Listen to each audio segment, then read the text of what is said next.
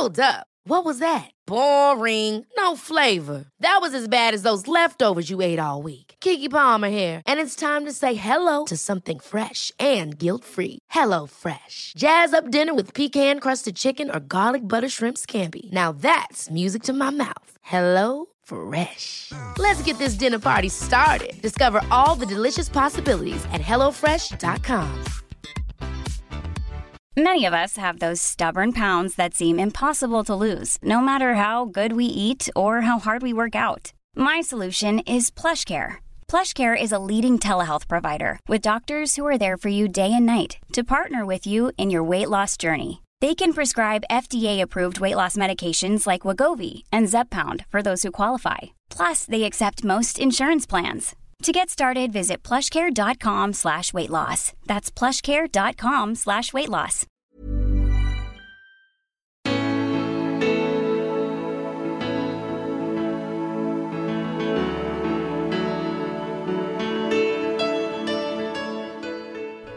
Finns det en kompetent man och kvinna inom fotbollen, kolla meriter. Sen kolla inte på om det är en man eller kvinna.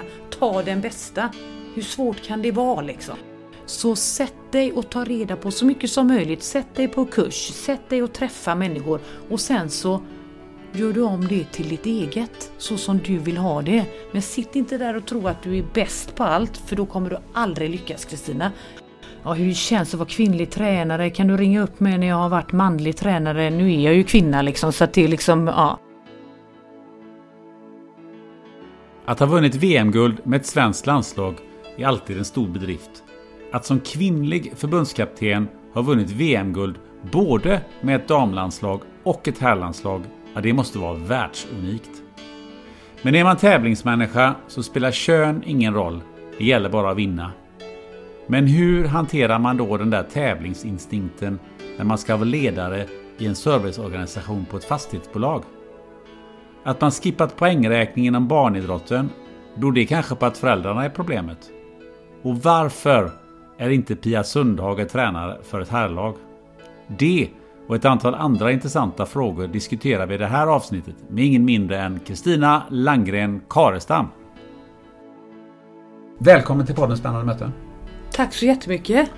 Du, vi sitter ju här på fastighetsbolaget Wallenstams högkvarter mitt inne i centrala Göteborg. Ja, på, du- mitt, på mitt kontor. På ditt kontor, ja. ja. Så en stund efter kontorstid. Ja. Liksom, hur har dagen varit? Den har varit jättebra. Det är fantastiskt roligt att jobba här. Det är mycket människor. Det är full rulle hela dagarna. Så att, eh, ja, kul att få sitta här nu och prata en stund med dig. Vad gör du för något på dagarna? Allt och allt ska jag säga. Eh, Jag är ju chef för två stycken avdelningar. Eh, Kontorsservice som innebär att jag har receptionen, köket och konferensen som jag är ansvarig för och kundservice. Så jag har 15 stycken handläggare som eh, jobbar här. Nu det är första gången jag gör en intervju med någon faktiskt vid den här tidpunkten eh, på dagen sådär efter kontorstid. Hur är det liksom? Är du pigg fortfarande? Alltid pigg. Du är alltid pigg? Nej, det, det är en sanning med modifikation. Morgonen, jag är ingen morgonmänniska. Fast jag är ändå här nästan alltid kvart över sju på morgonen. Men det är en plåga varje morgon att gå upp. Jag trodde att jag skulle vänja mig, men det har jag inte gjort. Men du är här kvart över sju alltså? Ja, kvart över sju nästan varje dag. Vad är det för skönt med att börja så tidigt? Nej, men mina handläggare börjar klockan sju och då tänker jag att då är det väldigt bra att försöka vara inne och träffa dem. Och sen gillar jag att det är lite lugnt på morgonen innan alla möten och, och så drar igång. Så att jag tycker det är ganska skönt att komma in. Och ja, ibland försöker jag också vara hemma. hemma. Jag ska inte säga att alltid, men jag försöker vara inne kvart över sju för det är skönt. Det känns som du jobbar en hel del. Det gör jag, men jag älskar att, att jobba. Hinner du ta hand om dig själv va? Det hinner jag det med, fast jag kan nog bli bättre på det. Ja. Det tror jag. Det kan ju ofta vara det som Ja. man är den ställningen som Ja. du är. Att man inte hinner med sig själv. Jo, men det känner jag ju igen sen förr. Men å andra sidan, ta hand om sig själv. Ja, när man älskar det man gör så gäller det ju liksom ibland att hitta de här äh, tidpunkterna när du kan få lite energi. Och till exempel när jag sitter här i ett sånt tillfälle Åh, med dig, då ja. får man energi. Härligt. Eh, vi kommer in på det. Du har ju vunnit i princip allt man kan vinna i innebandy. Eh, med bland annat VM-guld för, eh, för damer och herrar som förbundskapten. Vilket jag tror du är ensam om i världen inom lagidrotter. Vågar jag sticka ut hakan och säga. Det vet jag inte exakt men ändå. Vi ska komma in på det lite senare. Men jag tänkte faktiskt börja i en annan ände. Ja. För när man läser om dig och lyssnar på dig, för du håller ju en del föredrag. eh, så beskriver du dig alltid som en extrem tävlingsmänniska. Um, jag funderar lite på, vad är din drivkraft? Är det att du hatar att förlora eller är det att du älskar att vinna? Mm. Jag tror att det har nog varit lite olika. Eh, eh, jag älskar att vinna. Jag älskar att vara bäst i någonting. Sen kan det ske sig lite annorlunda. Sen har jag verkligen hatat att förlora också. Men viljan att vinna har alltid varit större än att hata att förlora liksom. För det där är lite ja, olika. Ja, det är ju det. Ja, ja. Däremot har jag fått jobba jättemycket med att jag hatar att förlora för det har ställt till problem för mig framförallt när jag var tränare. Så att det har jag försökt att... Och, sen är det inte alltså, hur lär man sig att och, och inte hata att förlora liksom eller att det går ut. För i det här fallet så gick det ut över mina lag när jag hatar så mycket att förlora. Eh, så att det försökte jag stävja. Eh, Men eh, alltså, jag läste mig till en annan grej här. Mm. Att man, jag har faktiskt inne och tjuvkikat på ditt Instagram. Och då hade du gått en golfrunda för inte så himla länge sedan och då hade du inte vunnit. nej, Och då var- stod det tur att det, Då sa du så här, tur att det viktigaste är att ha roligt. Det var en väldigt trevlig runda. Det var kanske lite, lite i- ironi med de som känner mig. Men, men däremot så ska jag faktiskt erkänna så här att när jag spelar golf, för, för det gör jag ju eh, med min familj, med min man, han spelar väldigt mycket golf och min son och Ida. Då är det en familjegrej så att där kommer inte riktigt den här tävlings instinkten fram eh, så, för det är en familjegrej. Förutom när det är tävling då. Och, det, kanske är jag det gör- inte alltid, eller vadå? Nej men det är det ju inte. Det är ju en familjegrej liksom. Vi, vi spelar för att det ska vara roligt med familjen ute på, Jag på hör att banan. det finns en viss Men när vi då går över och man kanske är med på, på golftävlingar när man får vara med och köra. Att Kristina se till att du kör långa raka drivar så, så gör i, i tävling. Då är det ju, då kommer du där fram. Men det är skillnad. Och det är väl den enda kan jag säga, där tävlingsmänniskan inte åker fram. Det är när familjen spelar golf. Men när film, familjen spelar Monopol då... Då åker den fram. Då Eller minigolfen. Ja, men, det är bara men just golf. golfen med familjen ska punktera för Ja. annars får man ju inte vara med i någon tävling för då, då är det jävla med skarpt läge när, när det är tävling är ändå tävling liksom. Mm, Jag förstår detta. Men du, eh, var du tvungen att eh, tagga ner lite grann eh, nu när du gick från idrotten till att bli chef i näringslivet? Nej men jag vet inte om jag har taggat ner så mycket om du frågar folk. Jag kanske får eh, Det jag får kanske tänka på ibland är att alla kanske inte älskar att, att, att tävla lika mycket. Men då kanske de inte är med i mitt lag när vi gör aktiviteter. Ja, men, hur, söker- ja, men, men hur hanterar Ja, du det på ba, daglig basis? Alltså det, det finns ju massa medarbetare, de vill inte tävla. Nej, och då kanske vi inte tävlar i, alltså tävla tävla när vi har eh, aktiviteter. Då kanske jag jag, tänkte på blandar. jobbet. ja, men, på, men då kan vi ändå sätta upp mål. Det har ju ingenting med tävla, eh, alltså försten till, upp för, till matsalen behöver vi inte göra. Men man kan ju liksom ha andra målsättningar. Så det försöker jag ju sätta upp. Vi har ju eh, servicegrad, det är många samtal vi ska ta inom en, en viss tid och sånt. Så det kan man ju ha i alla fall. Så det beror ju på hur du menar med tävling men ja. Ja, men jag tänker att eh, Vi ska ju ändå bli bästa kundservice. Men det finns ju ändå en hel del människor, oavsett om det är det här jobbet eller något annat jobb, så går man till jobbet för att lyfta lön. finns ju en hel del som gör. Hur hanterar du det? För de är ju inte direkt tävlingsmänniskor.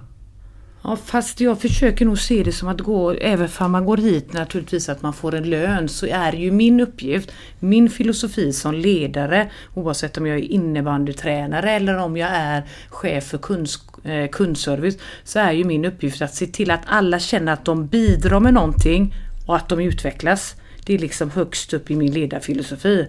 Att alla ska känna att de bidrar med någonting här på min avdelning och att de utvecklas.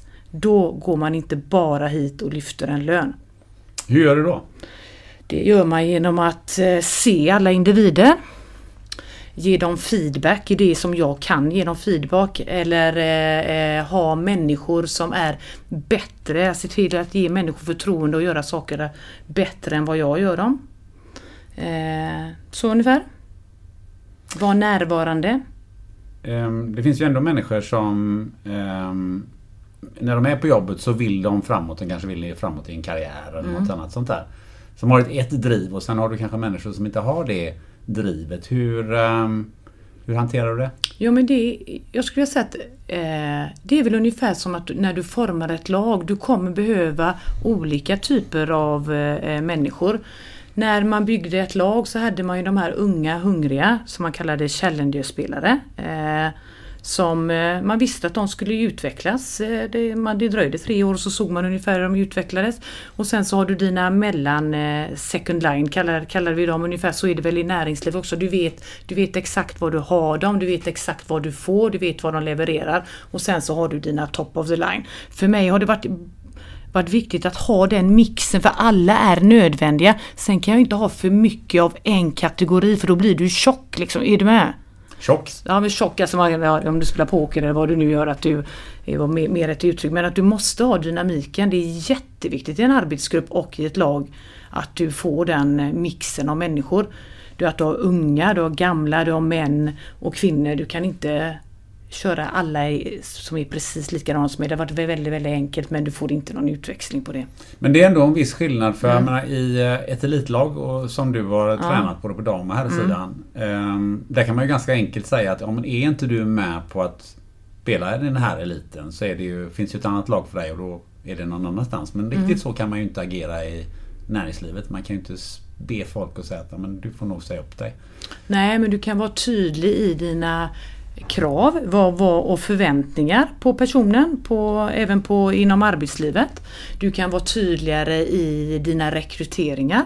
Du kan vara tydligare om du internrekryterar, vad är det för personer jag vill ha till min avdelning. Så visst, det finns det jättemycket likheter med att, hur du komponerar ett idrottslag. Det är inte så att jag har, har en avdelning där det kommer vara helt samma individer i tio år framöver. Nu har jag en avdelning som, som är, är ganska, eller det är en, en jättebra mix.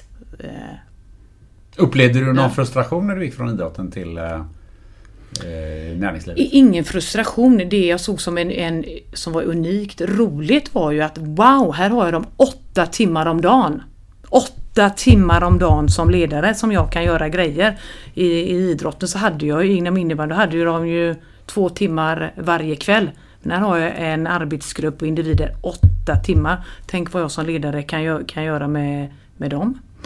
Det eh, fanns ju helt andra resurser här än, än vad det fanns i, i, i idrottslivet. Så att, det enda är väl att jag i början kanske var lite frustrerad att jag inte direkt såg, jag vet att jag hoppade in på ett avdelningsmöte och frågade vad är det vi kan vinna här då? Och det tyckte väl alla var lite roligt. Men det vet vi ju nu, det finns ju målsättningar här som vi kan mäta och se när vi vinner. Du det här med tävlingsinstinkt, det mm. verkar ju ligga i familjen också? Ja men det är nog liksom, det har alltid varit en drivkraft. Jag har varit stor, eller är, jag är stora syra. Jag vill ju alltid vinna över min eh, lillebror Jonas alltid visat att jag var bättre än honom. Så det är nog därifrån det, det kommer. Mamma och pappa var ju idrottsintresserade och kanske inte, jag tror inte att det är därifrån jag fått alltså, äh, tävlingsinstinkt utan det var nog mer att jag var storasyrra och ville visa att jag minsann kunde vara bäst. Liksom. Ja, för jag tänkte just det här att det med ja. tävlingsinstinkt, är det, är det någonting man bara har eller är det någonting man får? Ja, det är en bra fråga. Jag tror att jag har haft den någonstans. Sen har den blivit större, eller ökat, accelererat ju äldre jag har blivit. Men ibland så är det ju så här att eh, man, den kommer någonstans för man vill visa någonting. Finns det någon bakgrund att jag vill jag behöver visa att jag är bäst på något?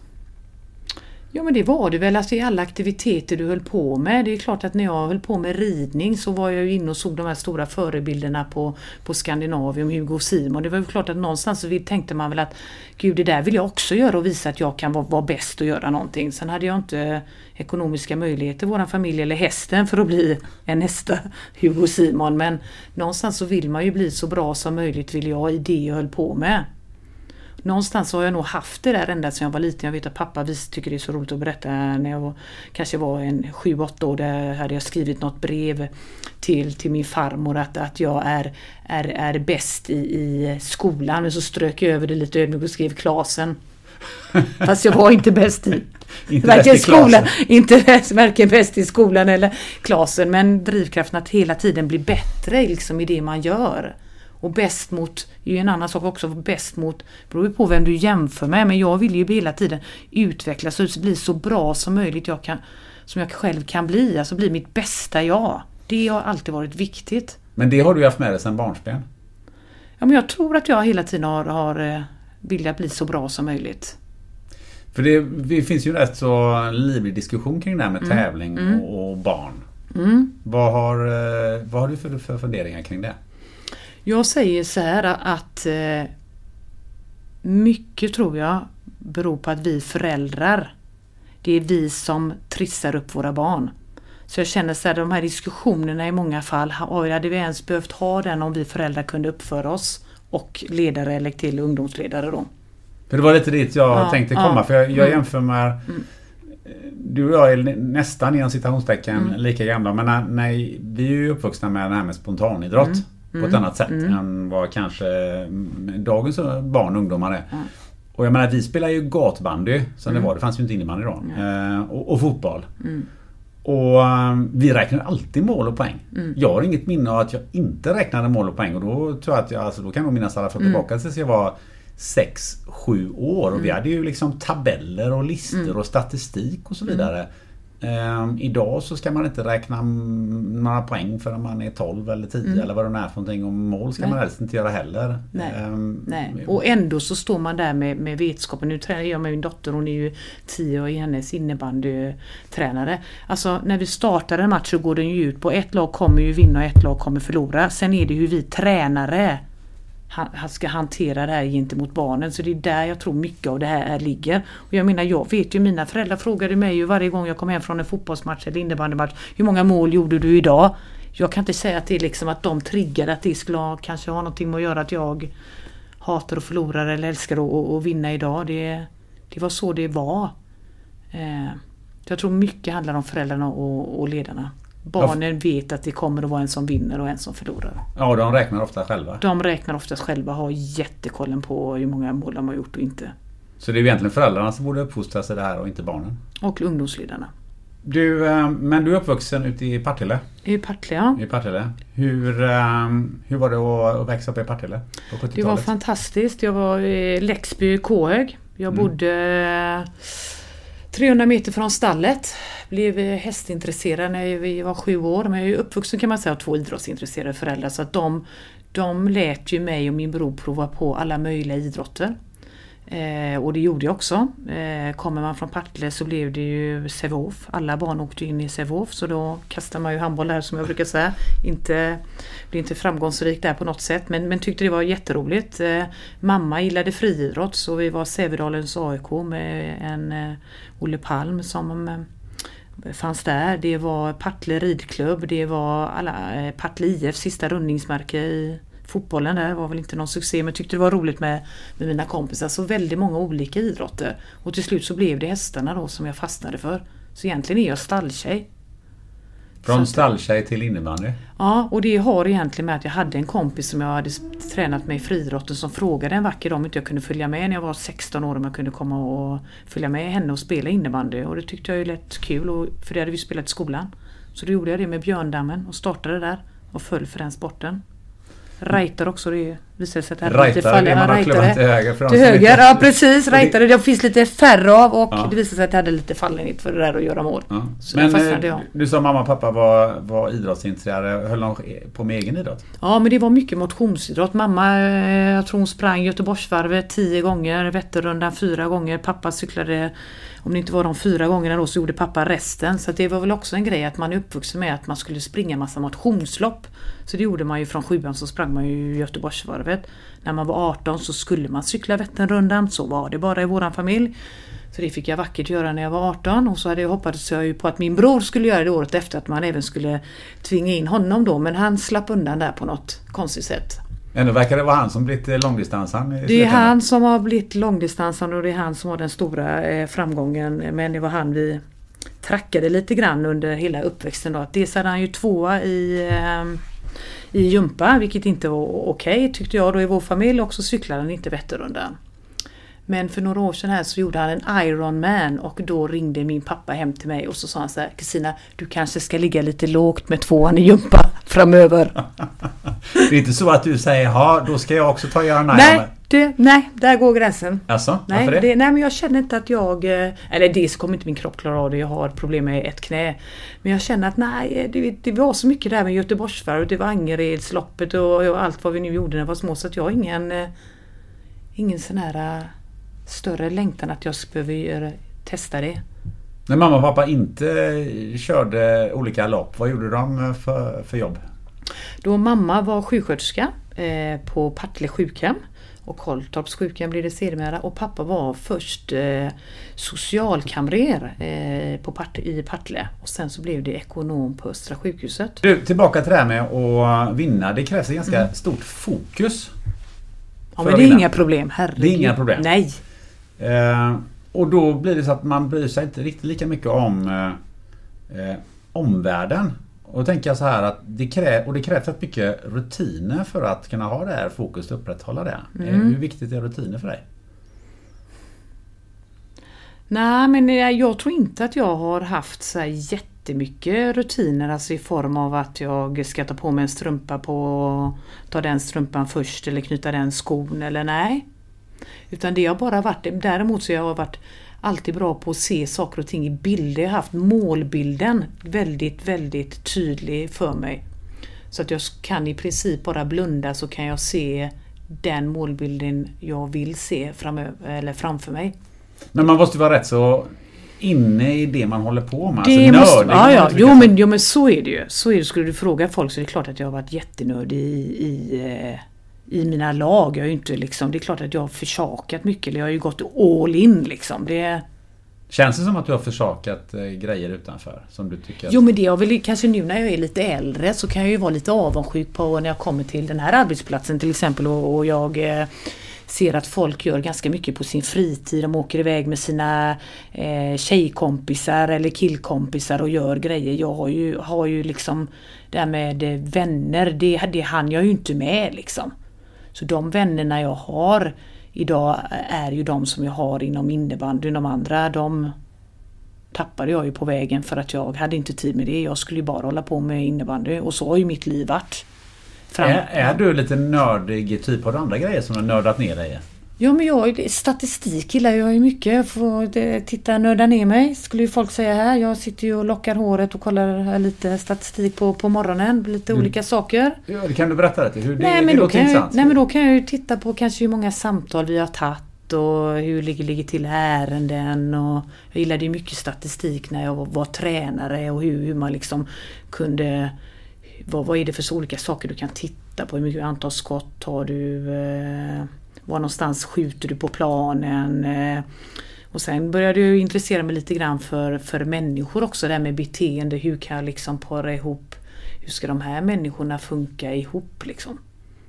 Vad, för, vad var ditt bästa ämne i skolan? Idrott. Förutom det? Ja, det var ju det. Jag var inte speciellt bra i skolan. Så bara för att bevisa för mig själv att jag, att jag vet på gymnasiet. Att jag ändå skulle kunna bevisa för mig själv och mamma och pappa att jag faktiskt var bra. Så, så då blev det, då blev det, då var det så här, "Ja, jag tar ett ämne till. Och så blev det religion, så såg jag till att ha bäst i religion. Men det låter nästan som du var ganska bra på matte om du Nej, absolut inte. Det är ju det som är så konstigt. Nej, det var inte mitt starka ämne. Men jag tycker, det är kanske något som man har blivit mer när åren har kommit då. Tycker det är jätteroligt att, att se, se siffrorna liksom och, och grotta ner mig i det. Vi var lite inne på det här med att eh, du har ju firat, eller vunnit ett antal segrar. Mm. Men du har inte firat så många segrar. Du har ju själv sagt att du är ganska dålig på att fira segrar. Jag tycker att man borde fi- fira i form av att man, jag går dit men sen har jag ju gått hem. Däremot pratar vi jättemycket nu om, så att nu, nu säger jag emot mig själv när du säger så för att det enda idé jag har tagit med mig hit är att jag tycker att vi ska fira mer när man gör saker och ting bra, för det gör vi inom idrotten. Eh, så du får inte säga att jag inte firar för det, det, det tycker jag att vi ska göra mer om. Men fira det som jag tror du menar det är att när man är inom idrotten vinner någonting stort så går man ju på en bankett eller ja, där har jag varit väldigt så här att jag har varit där en stund och sen har jag promenerat hem liksom. För att? Därför att jag känner att någonstans så känner jag att där ska spelarna få, få fira utan att jag ska behöva vara där som, som tränare. Och sen så är det också så när, när du väl firar så kommer ibland en bild fram av spelarna som du kanske inte vill ha på din näthinna. Och då har jag promenerat hem. Det kan de göra själva. Men är inte du en del av laget eh, när ni har vunnit de här stora segrarna? Jo, men då är jag ju där ett tag och sen så behöver inte jag fira hela natten med dem. De har ju alltså, herregud. De har hundra gånger roligare utan mig. Hur vet du det? Ja, men det tror jag. Eller tror, det vet jag. Men vad är det för någonting ja. du äh, känner att du inte vill, förutom att du kanske framåt väldigt sent på natten kanske inte vill ha vissa bilder på näthinnan? Ja, men, det, men det är nog det det har varit. Liksom, att jag har känt att det har varit... Och sen om man vill, velat också så ska jag också säga att det som har kommit fram också det är ju det här som många känner det är att när man väl har slutfört ett uppdrag och du står där och ska fira, man får inte glömma av det är en sån enorm tomhetskänsla som kommer. För då är du liksom i mål med det. Du har jobbat så länge, så hårt med den här målbilden som du har haft på näthinnan och allt du gör, du lever liksom med det här varje dag 24 om, eh, timmar om dygnet. Och så vinner du det här guldet. Lägg till att kanske ingen har trott att du ska göra det heller. Och så vinner du. Alltså den känslan är så svår att beskriva för den är samtidigt euforisk, alltså att du wow, du har vunnit. Men det är också en, en sån enorm tomhetskänsla att nu är det slut. Nu är det över. Så det är nästan lite... En... Det är nästan lite sorg också för nu, nu liksom är du i hamn, nu kommer du inte... Nu är resan slut. Så jag tror lite grann också det jag brottas med om, om jag tänker efter när jag går på de här marketterna. Att jag kommer liksom aldrig vara i det igen. Det är lite det... Lite nästan, tomhet, nästan, ja. tomhet, lite, nästan lite depressivt äh, läge. Kanske inte är depressivt, det är nog inte förknippat med, med, med mig, men en tomhetskänsla som inte går att beskriva. Liksom att nu är det liksom tack och adjö, liksom, nu är den här epoken slut. Liksom. Så det är väl den, om jag lägger till det. Plus den här att jag inte vill ha, och det står jag för ibland, eh, ja, det på, på, på näthinnan, det kan de få fira själva. När du har tränat lag och, mm. och, och, också när du har din personal, hur, hur nära gillar du att vara dem? Eller vill du hålla en viss distans till eh, dem du eh, coachar och tränar? Både och. Eh, jag, för att kunna få ut max av en människa Eh, Eh, till exempel dig om du skulle vara med, så vill jag ju veta så mycket som möjligt. Liksom. Det innebär inte att jag kommer åka hem och äta söndagsluncher hos dig, eh, absolut inte. Men, men ju mer jag lär känna dig, desto större är ju sannolikheten att jag kan hjälpa dig att få ut ditt bästa jag. Så det, det har jag varit. Men sen också, tror jag, eftersom det handlar också om att hålla en viss distans. Jag behöver inte vara med överallt. Du måste kunna ha dina frizoner utan mig som som ledare. Till exempel en sån sak som att många tränarkollegor sa till mig så här, ah, men det är mycket lättare för dig att träna eh, damlag för du kan vara inne i, i omklädningsrummet och höra jargongen. Ah, där är deras frizon. Det, där ska inte jag hänga oavsett om jag tränar damlag eller herrlag, tycker jag. Utan där är jag inne när jag ska köra gameplanen och göra någon sammanfattning. Sen ska laget få vara där, den distansen. Kan man vända på det och säga också så här att det är också ditt sätt att hålla en distans eh, för att inte bli uppkäkad i det här engagemanget? För det är också lätt hänt att man blir det tror jag. Absolut, Nej, men så, så, kan det, så, så kan det nog ha varit att det har varit ett sätt för mig att helt och hållet Sen är det ju alltså, det är ju en sak att vara ledare och en sak att vara med ditt lag eller med, med din grupp. Det blir ju oavsett så blir det ju att du kommer att ha en viss distans och ska ha en viss distans.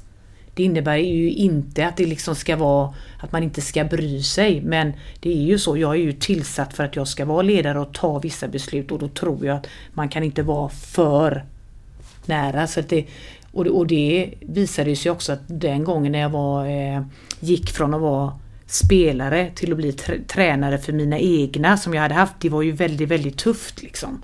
För plötsligt hade jag ju varit en i mängden, nu skulle jag helt plötsligt gå så skulle jag bli deras tränare. Det var nog det tuffaste uppdraget jag haft. Vilka redskap använder du då för att eh, klara det? Nej, jag, jag tror inte jag klarade det. Jag läste någon utvärdering, det, det är fortfarande som jag har kvar, eh, tackar jag Anna Larsson för. Eh, det var nog hon henne som fick att jag fick börja fundera på att utvecklas i mitt ledarskap. Jag tror inte jag fixade det så, så jättebra. Att vara så att jag hade gått från att ha dem till att eh, bli, bli ledare. Jag tror att det, det var för stort. Jag var för, låg för nära i åldersspann, i, allt. Så det är en tuff uppgift. Ibland har du hållit ganska eh, stor distans för eh, någon gång så flög du hem och de andra åkte buss. Ja, men det var ju tillbaka till den gången när jag fick en näsbränna där att jag hatar så mycket att förlora så att det går ut över mina lag. Och det var ju den här gången att vi, det var ju order egentligen från Pixbo att ta föreningens första SM-guld. Eh, vi skulle möta Haninge eh, och vi eh, förlorade ju. Och då kom den där, det var inte det att jag var förbannad på dem för att vi hade förlorat, för nu var Haninge bättre. Men vi skulle ju inte åka ut, vi skulle ju vinna SM-guld.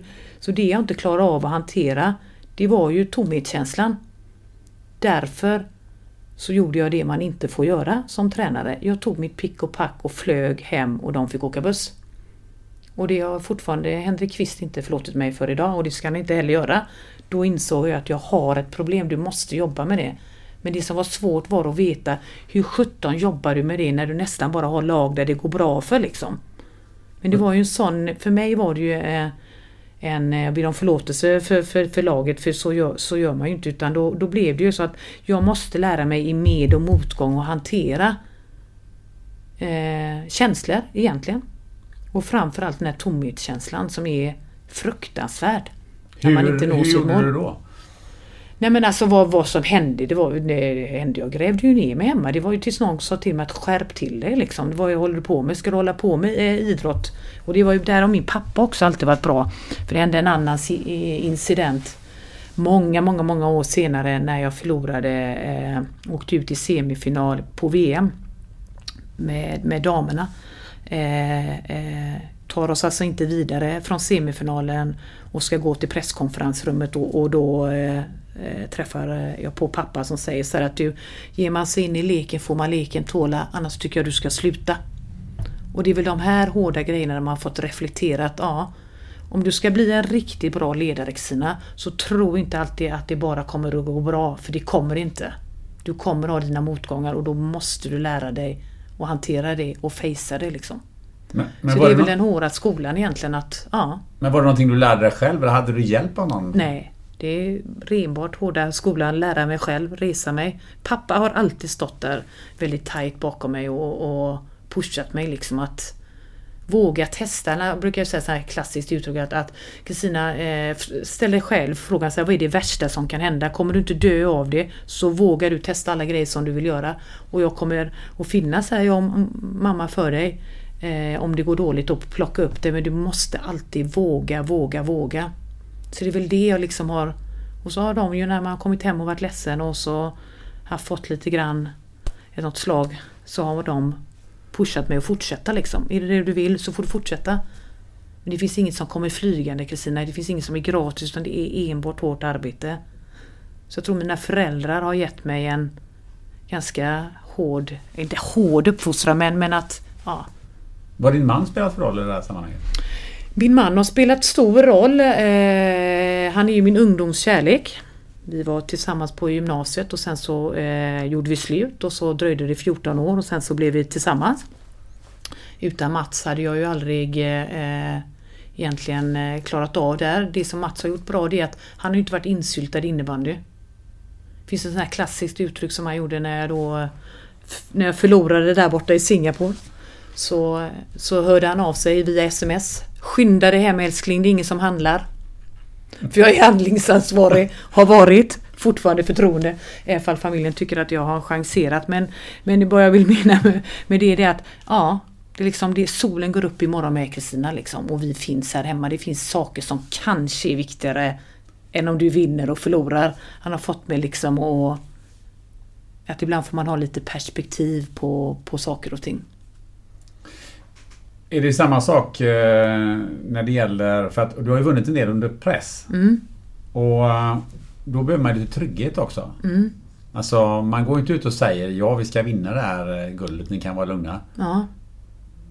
Var har du fått den tryggheten ifrån? Ja, men det tror jag har fått hemma från mamma och pappa. Att de alltid har funnits där. Mats, vi har alltid funnits där vid, vid min sida under de här åren när det var liksom mycket press på mig. De fanns ju där. Och har alltid fått någonstans lärt mig ganska tidigt att skilja liksom på sak och person liksom, och fokusera på saker som, som jag kan påverka. Att folk har haft åsikter om huruvida jag ska klara ett uppdrag eller inte, det, jag kan inte påverka det. Då lägg inte så mycket krut på det. Så där har jag fått ja, lärt mig egentligen hårt.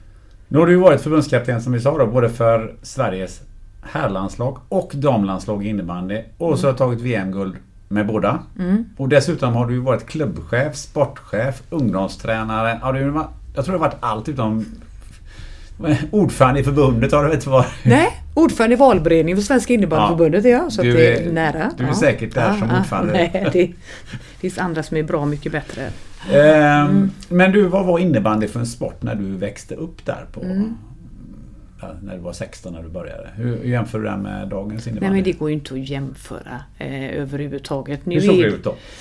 Nej men då var det ju eh, sanna entusiaster, alltså det var ju min generation, det var ju vi som styrde och eh, banade vägen för, för innebandyn. Eh, hade man, det som var bra med, med sporten det var ju att hade man åsikter så kunde man ju vara med och påverka så mycket.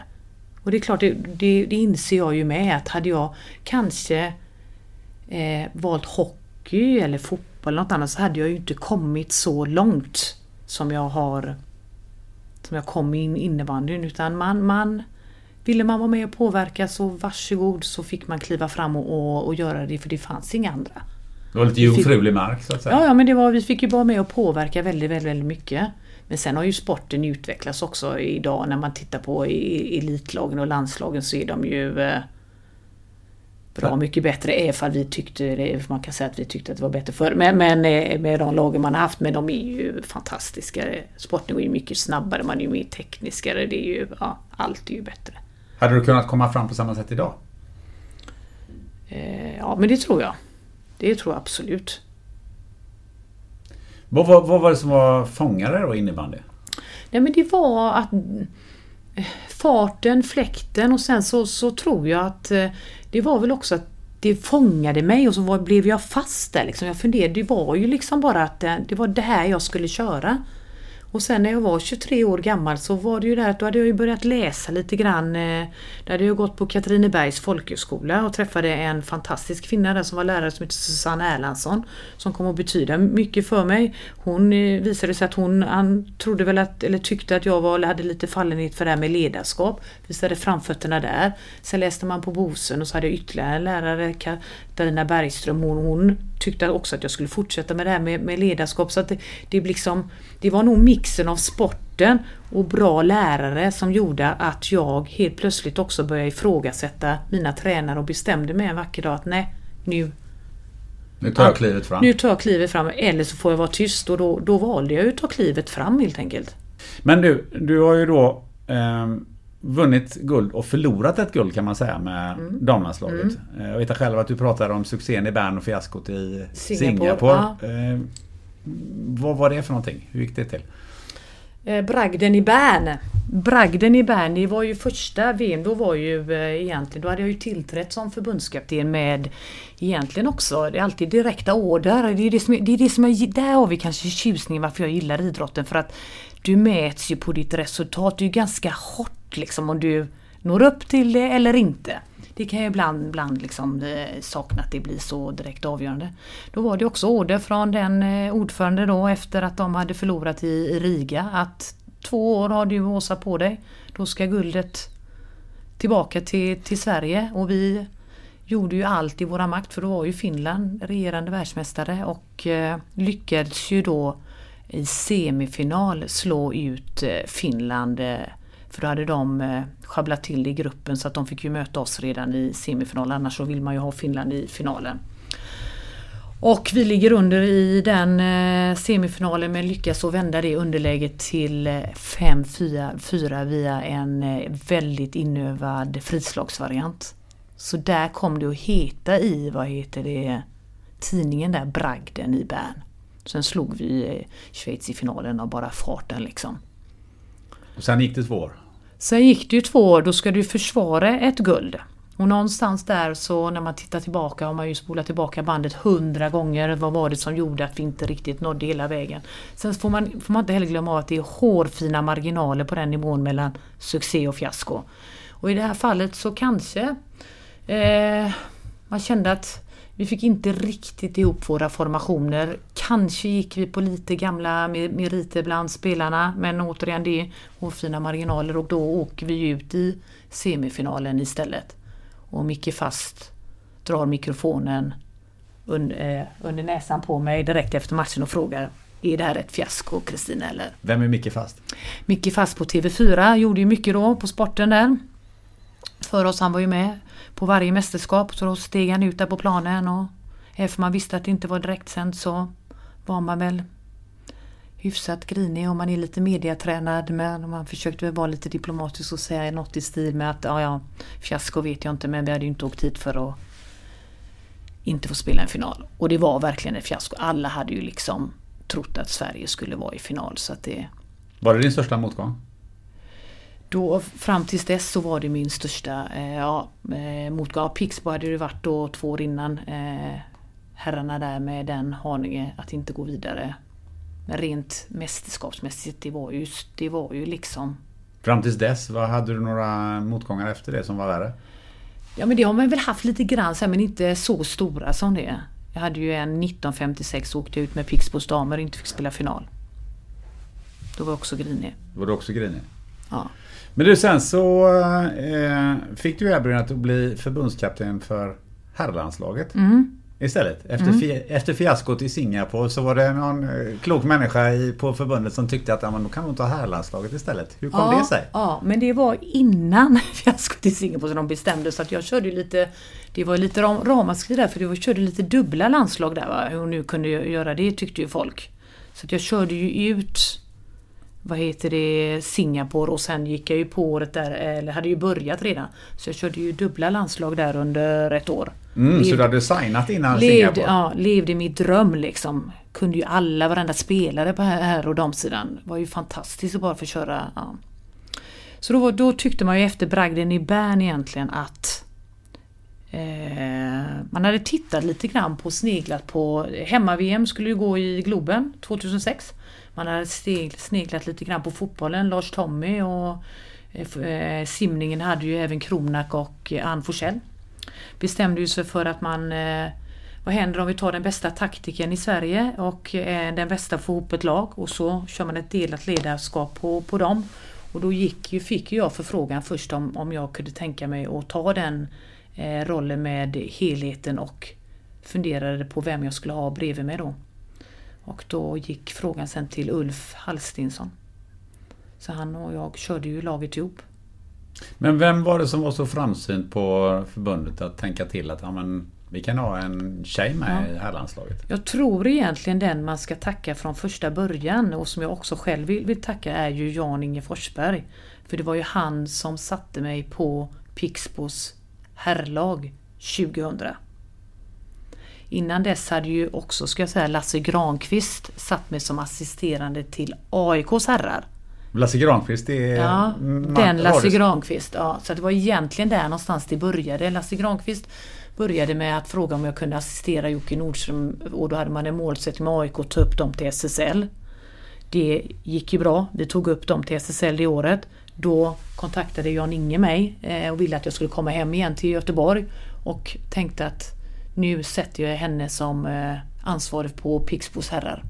Och det var därför du fick eh, ansvaret för landslaget till slut då? Det var det nog absolut att jag hade varit eh, kört herrar. Även fall en del kritik var att jag hade kört herrar lite för lite. Du fick det glasklara budskapet mm. att vinn guld på hemmaplan. Ja, allt annat skulle vara ett fiasko igen. Hur hanterar du det? Fast det är ju, det jag, det är ju där min drivkraft finns liksom. Då, det är ju då jag ställer in mig att i varje intervju kommer jag säga att det är inte nu det gäller oavsett om vi förlorade mot Finland i varje match som vi gjorde. Utan det är den enda matchen kommer vi stå som vinnare. Det målet är liksom, det finns inget annat om jag bestämt mig för att det är det jag ser. Och då kommer jag jobba mot det. Var du någonsin rädd att förlora guldet? Nej. Inte någon gång under matchen heller? Nej, alltså nej. Inte rädd. Men det är väl klart att när vi ligger under där i matchen så... Det är väl klart att man känner att ah... Kanske inte jättebra läge men jag har aldrig varit rädd eh, när jag stått där och, och coachat. Det är ju sånt adrenalinpåslag. Alltså du går ju mot... Det är liksom... Du, eh, men då fick du då känna på att leda killar på högsta nivån och leda tjejer på högsta nivån. Mm. Och ehm, då är det ju en klassisk fråga naturligtvis. Vad är skillnaden? Ja men vad skillnad? Det, det, finns jättemånga skillnader, det finns jättemånga likheter men med målet, alltså jag alltid, när, när folk har ställt mig den frågan, det, det kom ju eh, i början så ja ah, men hur känns det att vara kvinnlig tränare? Och till slut så blev det så här, ah, ja, hur känns det att vara kvinnlig tränare? Kan du ringa upp mig när jag har varit manlig tränare? Nu är jag ju kvinna liksom så att det liksom, ja, den har man ju fått hundra gånger ja, ungefär. Klart. Men, men, för mig har det aldrig handlat om att det har varit damer och herrar. Jag har ju fått ett mål som jag ska uppnå. Sen har det nästan varit Alltså det är skitsamma. Nu, det är liksom Okej, okay, det är damlandslaget eller herrlandslaget eller Pixbos herrar eller Pixbos damer eller Högdalen. Det är, det är målet. Den gruppen ska jag ta dit. Sen är de damer eller herrar så, så är det ju. Kundservice är ju blandning mellan tjejer och killar. Ja, då är det dit. Då ska vi bli bästa kundservicen. Är du med? Det är liksom inte... Det är människor. Inte kön liksom, utan det är...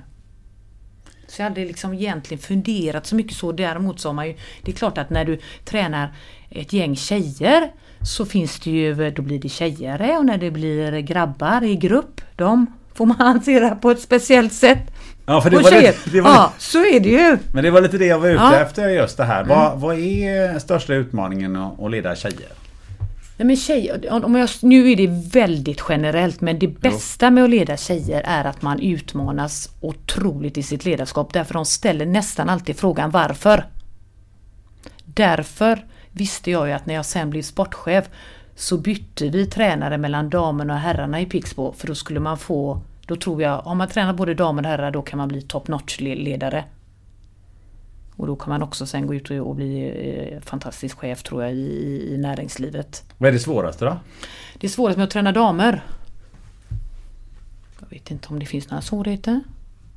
Just specifikt med, med damer. Däremot så det man kan jobba, behöver jobba med, med är, är, generellt säger jag återigen, men det är att ibland kan jag tycka att vi har lite, alltså eh, Alltså våga stå upp att vi är faktiskt jäkligt bra och kan säga det. Inte, behöver inte hymla om att vi är bra. Om, om vi är bra. Vi behöver inte alltid vara så jätteödmjuka utan generellt sett, om, skulle man säga så här, ja, men, eh, till, till en tjej, så, ja, men varför har jag plockat ut dig i landslaget eller i klubblaget så kanske man inte direkt skulle säga ja, men jag är här för att göra mål Kristina. Fast jag skulle vilja att man sa det. För det är ju därför jag har plockat ut dig. Men det, det, där är det lättare med killar. Då kanske man får vara lite mer specifik vilken roll alla 20 kanske inte kan lägga den avgörande straffen i Globen. En del kanske borde ha lite självinsikt att de kanske inte får lägga en straff. Är de här? Där är en stor skillnad. Det var mycket känslor. Vi tjejer i, i, har lite lättare för känslor generellt sett. För det finns ju tjejer som har svårt med känslor också. Eh, killarna tog det lite längre tid att få dem att förstå att, att dels hur de känner kommer också påverka dem på planen. Och det måste jag få reda på. Men du var inne på det här med straff. Jag för mig mm. att du sagt det. Det finns en viss skillnad på hur en kille reagerar när han missat en straff. Jo men så är det. Ja men så, så är det ju. Det har jag ju haft. Jag menar det är... Jag, eh, alltså där, där älskade jag ju killarna för eh, om Gide till exempel. Om han missade en straff. Så gick han ju direkt ut och så slängde han ner klubban i klubbfodralet och så drog han upp en annan klubba och så böjde han på bladet. Det är väl klart att det var klubbans fel. Medan kanske någon damspelare gick ut och Nu är det mitt fel att vi förlorar matchen och så har vi spelat 10 minuter liksom. Jag bara herregud vi har ju x antal minuter kvar att spela liksom. Men om vi tar killar då. Vad, mm. vad tycker du är den största eh, positiva grejen med att träna killar? Frånsett Pixbo nu då så skulle jag säga och inte landslag för så där är ju en, en grej eh, det är ju tyvärr det att det finns ju mer resurser på, på killsidan fanns det ju. Men om du tänker på mm. personen mm. killar? Vad tycker du har varit roligast med att träna killar? How would you like to look five years younger? In a clinical study, people that had volume added with Juvederm Voluma XC in the cheeks perceived themselves as looking five years younger at six months after treatment. Look younger, feel like you. Add volume for lift and contour in the cheeks with Juvederm Voluma XC. Reverse signs of aging by adding volume to smooth laugh lines with Juvederm Volure XC. For important safety information and to find a licensed specialist, visit juvederm.com. That's J U V E D E R M.com. Not for people with severe allergic reactions, allergies to lidocaine, or the proteins used in Juvederm. Common side effects include injection site redness, swelling, pain, tenderness, firmness, lumps, bumps, bruising, discoloration, or itching. There's a risk of unintentional injection into a blood vessel, which can cause vision abnormalities, blindness, stroke, temporary scabs, or scarring. Talk to a licensed specialist to find out if it's right for you. Quality sleep is essential. That's why the Sleep Number Smart Bed is designed for your ever evolving sleep needs. Need a bed that's firmer or softer on either side? Helps you sleep at a comfortable temperature? Sleep Number Smart Beds let you individualize your comfort so you sleep better together. JD Power ranks Sleep Number number 1 in customer satisfaction with mattresses purchased in-store. And now, save 50% on the Sleep Number limited edition Smart Bed for a limited time. For JD Power 2023 award information, visit jdpower.com/awards. Only at a Sleep Number store or sleepnumber.com. Ever catch yourself eating the same flavorless dinner three days in a row? Dreaming of something better? Well, Hello Fresh is your guilt-free dream come true, baby. It's me, Kiki Palmer. Let's wake up those taste buds with hot, juicy pecan-crusted chicken or garlic butter shrimp scampi. Mm. Hello Fresh. Stop dreaming of all the delicious possibilities and dig in at HelloFresh.com. Let's get this dinner party started.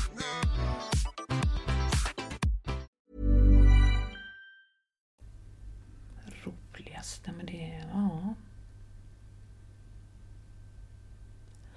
blir jag tyst. Jag vet inte riktigt vad jag ska säga var roligast. Alltså, och, och, det är ju ingen jämförelse med vad, damer. Alltså det eller säg så här, ja, vad, så, vad, ja, vad, ja, men då ska jag säga, ja, jag kan vara mycket mer... Eh, egentligen handlar det om att kanske killar är så uppfostrade i att i idrotten att det är väldigt hierarkiskt. Så det är ju väldigt enkelt egentligen att gå ut och säga spring 5 kilometer eller gör det här så, så gör de det. Så länge du är utbildad, du levererar liksom hela tiden så är det lite bekvämare att träna killar kan jag tycka.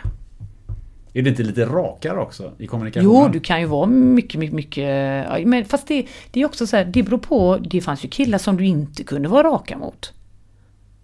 Precis som det finns tjejer som du kan vara superrak mot. Så det handlar om mer, tror jag, att lära känna dem personligen.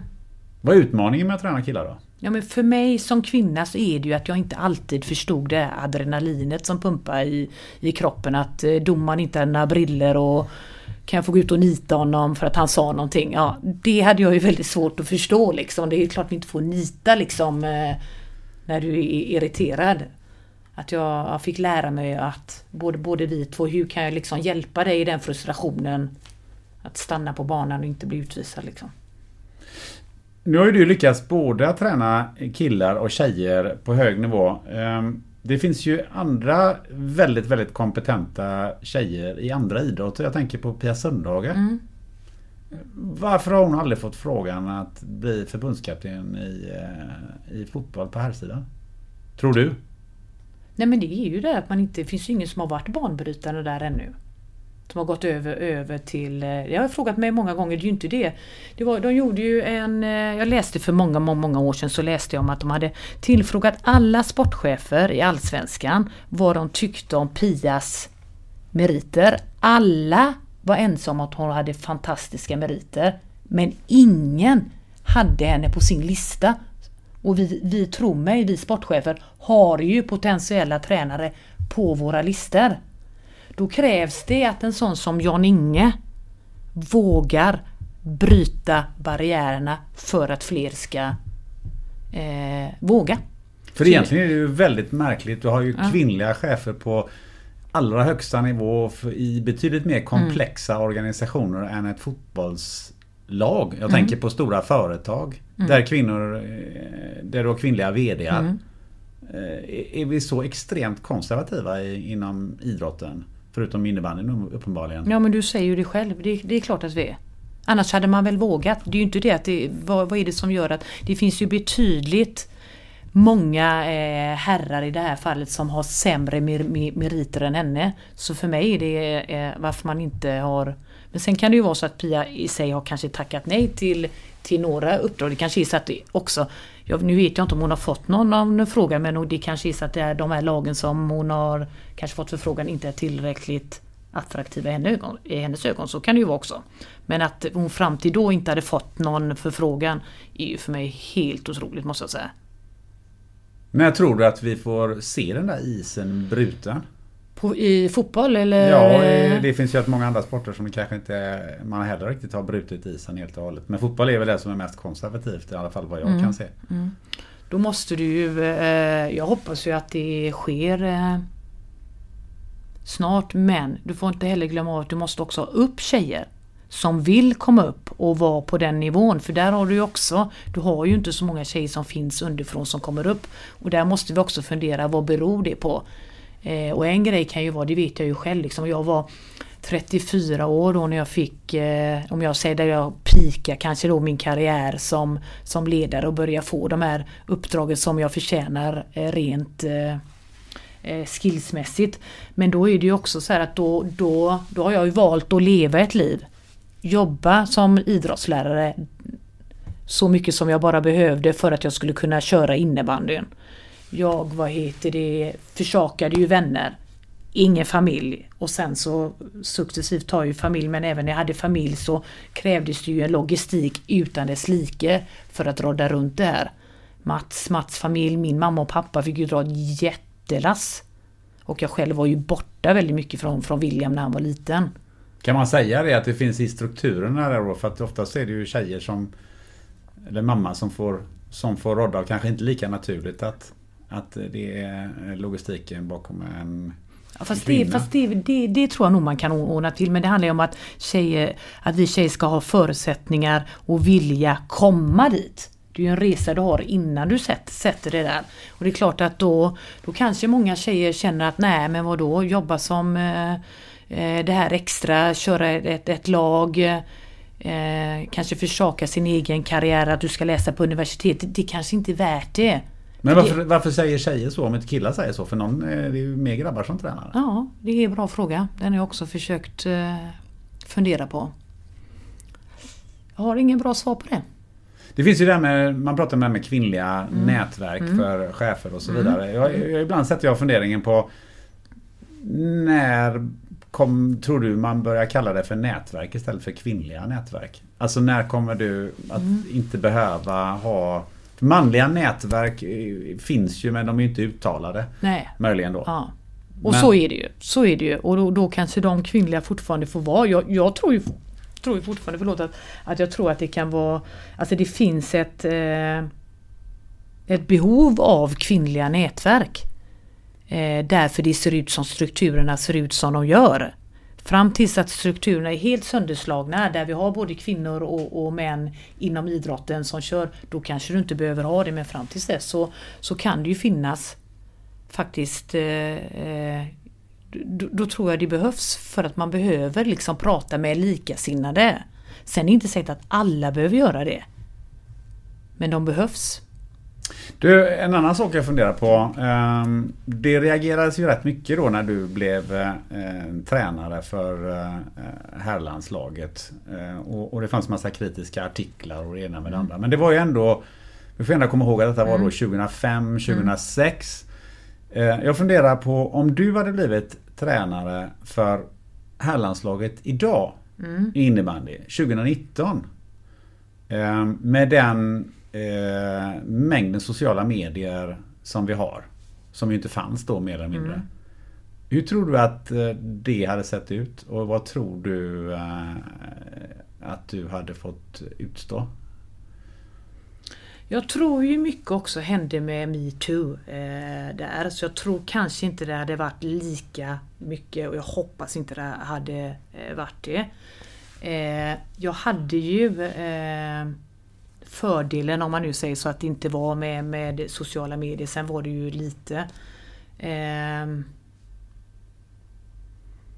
då hade man nog behövt starkare skyddsnät runt omkring för att klara av det. Liksom. I form av? I form av eh, förbundet i detta fallet. Eh, eh, tränare på, alltså, runt mig själv. Eh, familj, familjen fanns ju alltid där men, men då hade jag kanske behövt ha någon rådgivare. Nu hade jag ju inte någonting sånt överhuvudtaget. Jag har ju hoppats av hela mitt hjärta att det, att det inte hade varit så massivt som det var. Och det ju, om man tittar tillbaka så är det ju helt otroligt att det inte att det fick hända egentligen. Om, man börjar, om du tittar tillbaka på, på allt det jag fick uppleva så ska ju inte det få inträffa egentligen. Så jag är ju bara glad egentligen att det här med sociala medier inte fanns. Vad var det du fick uppleva då? Nej men det var ju alltifrån att, att jag fick ju sitta i debatt där med Lennart Ekdal och försvara mig varför jag hade fått rollen som förbundskapten mot en av de mest kritiska. Jag hoppade ju in egentligen och gjorde det därför att Eh, all publicitet är bra publicitet för, för, för innebandyn fick jag ju åt mig och funderade inte så mycket på det. det hade, vad gjorde jag där egentligen? Det var ju inte jag som skulle vara, vara där. Jag ställde ju upp i alla intervjuer jämt och ständigt och fick ju ganska mycket eh, kritik liksom. Och det och innan jag ens hade börjat. För att du var kvinna? För att jag var kvinna. Ulf som var min, som jag körde med. Han var ju inte, han var inte i närheten av de meriterna jag hade då. Han gick man ju inte på överhuvudtaget. Men det du säger är ju egentligen mm, att mm. det här jobbet är svårare idag än vad det var då. Med tanke på att du har alla sociala ja. medier och ja, alla skriver Men fritt. jag tror däremot med metoo eh, som kom också att vi har en, ett ett filter där att vi inte kommer att vara riktigt så kritiska som vi var då mot mig. Menar du från journalistkårens sida? Ja, eller från alla egentligen. Men idag så ser man ju eh, kvinnor, kanske inte just i den ställningen som du hade, för det har vi ju inga idag. Men, men i många andra ställningar, journalister och så mm. vidare, som blir extremt ansatta utav eh, allt möjligt på, som sker på nätet och direkt på, via mail och så vidare. Den mm. möjligheten fanns ju inte riktigt då. Nej. Tror du inte att det är värre nu? Nu lägger jag orden i mun på dig ja. men... Eh... Jag hoppas ju inte det.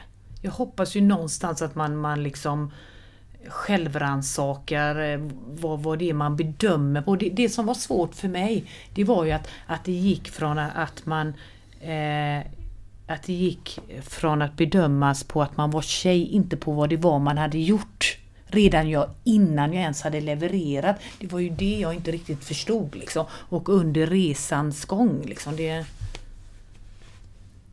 Mm. Nej, jag hoppas Gunnar att nej.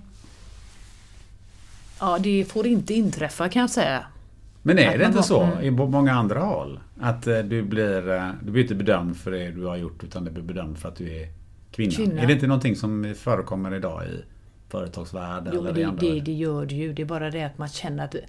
Alltså jag, jag känner att jag är så trött på, på att det det man ser ibland och, och, när det är så, så att, så att jag känner liksom att har vi inte kommit längre liksom? Det är ändå 2020 nu snart. Så därför är jag så glad när jag eh, till exempel kommer in på, på det här bolaget. Vad möts jag av här? Jag möts av eh, helt jämställt bolag. Det är 22 kvinnliga chefer och 20 manliga chefer. Det är ju som man kommer in och bara känner Wow, det är ju här de är, vad, vad, de finns! Nej men alltså någon som har tänkt till så att jag tror att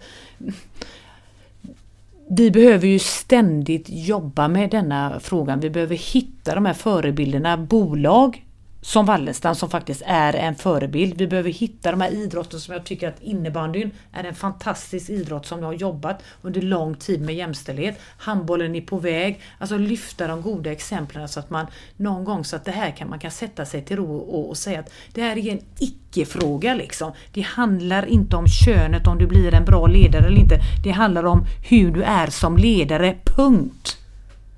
Så att någonstans så tror jag att jag liksom, jag är så eh, trött på att man är, ska fortfarande behöva ha de här diskussionerna och jobba så hårt med, med att, att i alla år lyfta Pixbo till att vara en väldigt jämställd eh, förening. Lyfta eh, och vara med överallt för att bevisa att, att det, det går. Ni måste tänka lite utanför liksom. Det handlar om människor. Och du hör ju jag blir bara irriterad att man ens ska behöva sitta och prata om kön liksom. Finns det en kompetent man och kvinna inom fotbollen, kolla meriter. Sen kolla inte på om det är en man eller kvinna. Ta den bästa. Hur svårt kan det vara liksom? En annan sak som du har sagt eh, som, du har sagt, som har lite anknytning till det här kanske just för att eh, eh som du säger att du, du eh, har ju sagt att man kommer aldrig först man går i andras fotspår. Mm. Eh, vilka har dina egna fotspår varit? Mina egna fotspår? Du säger att man inte går... Man säger så här. Först, men jag har alltid vågat. Jag har nog varit lite såhär Jag tror så här, Jag har alltid varit lite naiv. Jag har alltid... Om jag har velat göra någonting så har jag vågat att testa det. Jag har alltid eh, tänkt så här. Det finns så jättemycket där ute som jag kan lära mig av andra människor. Så sätt dig och ta reda på så mycket som möjligt. Sätt dig på kurs. Sätt dig och träffa människor. Och sen så gör du om det till ditt eget, så som du vill ha det. Men sitt inte där och tro att du är bäst på allt, för då kommer du aldrig lyckas Kristina. Se till att ta hjälp av andra, men, men gör om det till ditt eget. Och det är nog det jag menar, att du kommer liksom aldrig först om jag copy-paste på dig. Men däremot kan jag lära mig jättemycket om dig och så tar jag åt mig det som jag tycker att det här skulle jag kunna göra till mitt eget och så går jag min egen väg. Det är nog så jag menar det. Och det är det som driver mig, liksom att lära mig mycket av andra människor. och Sen så, eller sno skulle en del säga, sno mycket av andra och så gör jag om det till mitt eget. Det är så man, jag får utveckling. Och det är ju så du har blivit en bra ledare. Mm. Man, om man vänder på det lite grann ska man säga så här, kan man bli en bra ledare eller är det någonting man har i sig från början tror du?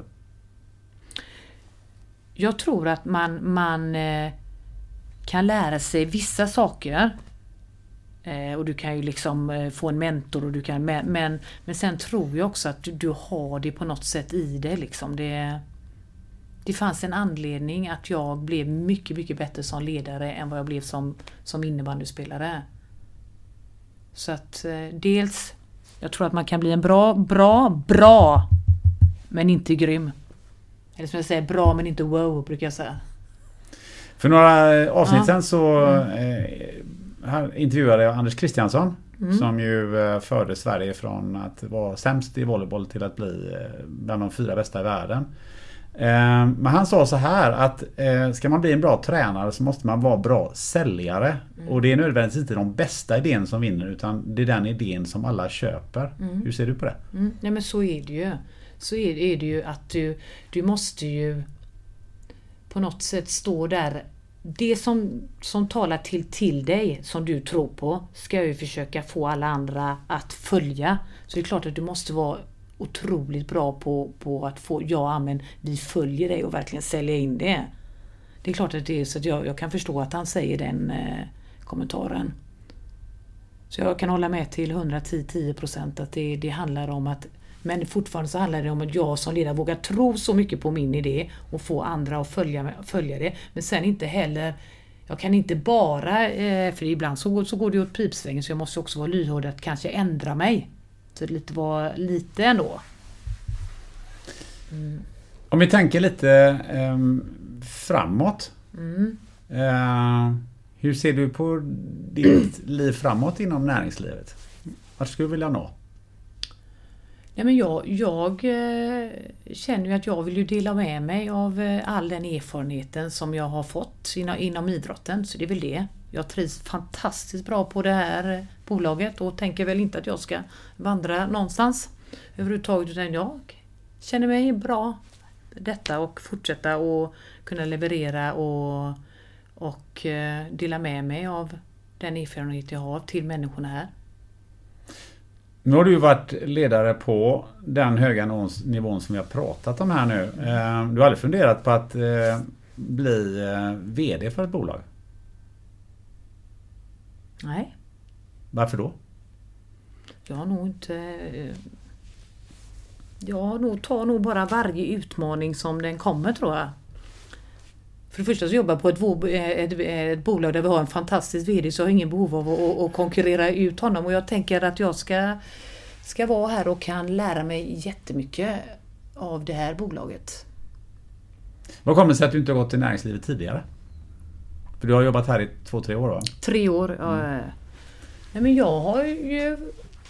Det är nog där du kommer in på det att jag har varit så insnöad och haft mina mål in, inom idrotten så jag har inte ens funderat på, på att det fanns något annat. Utan, och det här var ju helt nytt för mig den här branschen. Jag kunde ju inget om fastigheter överhuvudtaget. Jag kunde ingenting om, om kundservice.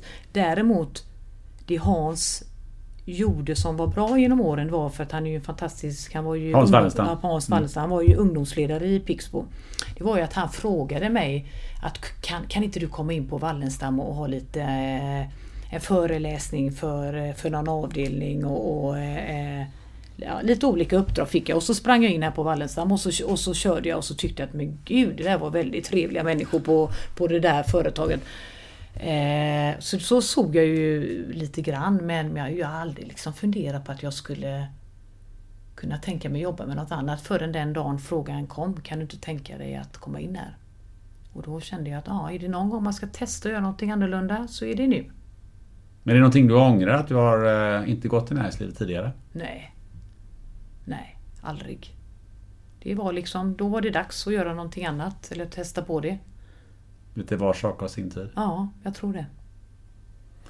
Du ehm, Kristina, nu har vi suttit här och snackat, eh, ja, en väldigt bra, bra stund i alla fall. Trevligt, Ja, ja. hur tycker du att det här har varit? Jo men det är alltid trevligt, man får reflektera över vad man har gjort och var man står. Så därför tycker jag det är jättekul.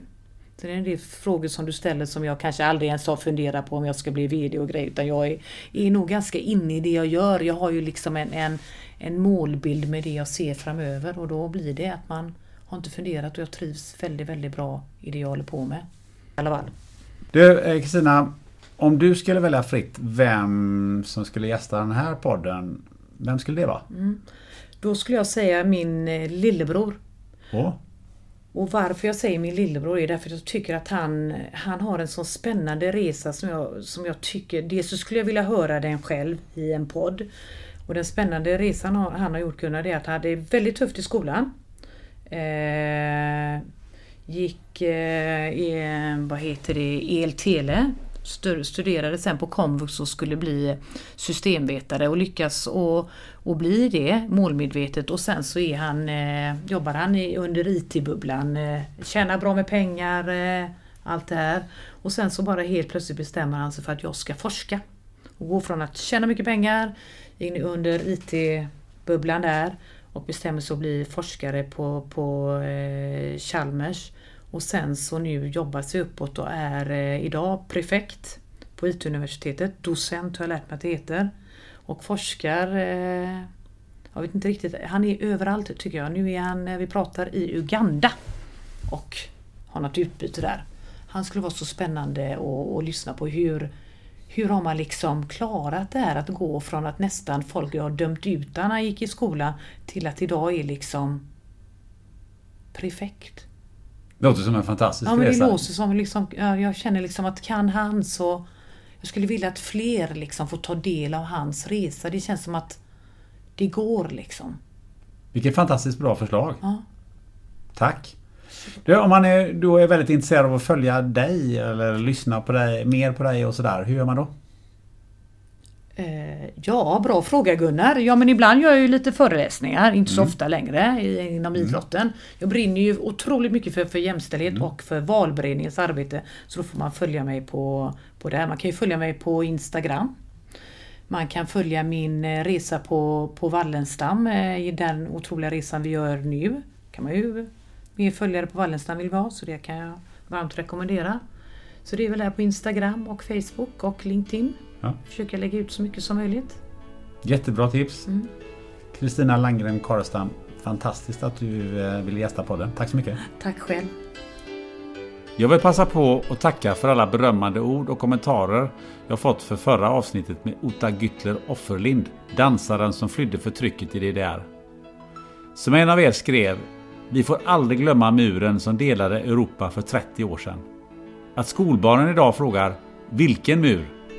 Ja, det är skrämmande. Tack också för påpekandet att jag borde lägga upp länkar och annan info som nämns i avsnitten. Det ska jag försöka hinna med framöver. Nästa vecka får ni möta en herre som kört sin alldeles egen väg. Det har fört honom upp på Kilimanjaro, till Sydpolen och över Ålands hav. Utan att använda benen. Vem det är, ja, det får du veta nästa torsdag. Till dess, om du ser några solstrålar, se till att fånga dem där du går och står. Tids nog blir det mörkt. Ha det gött!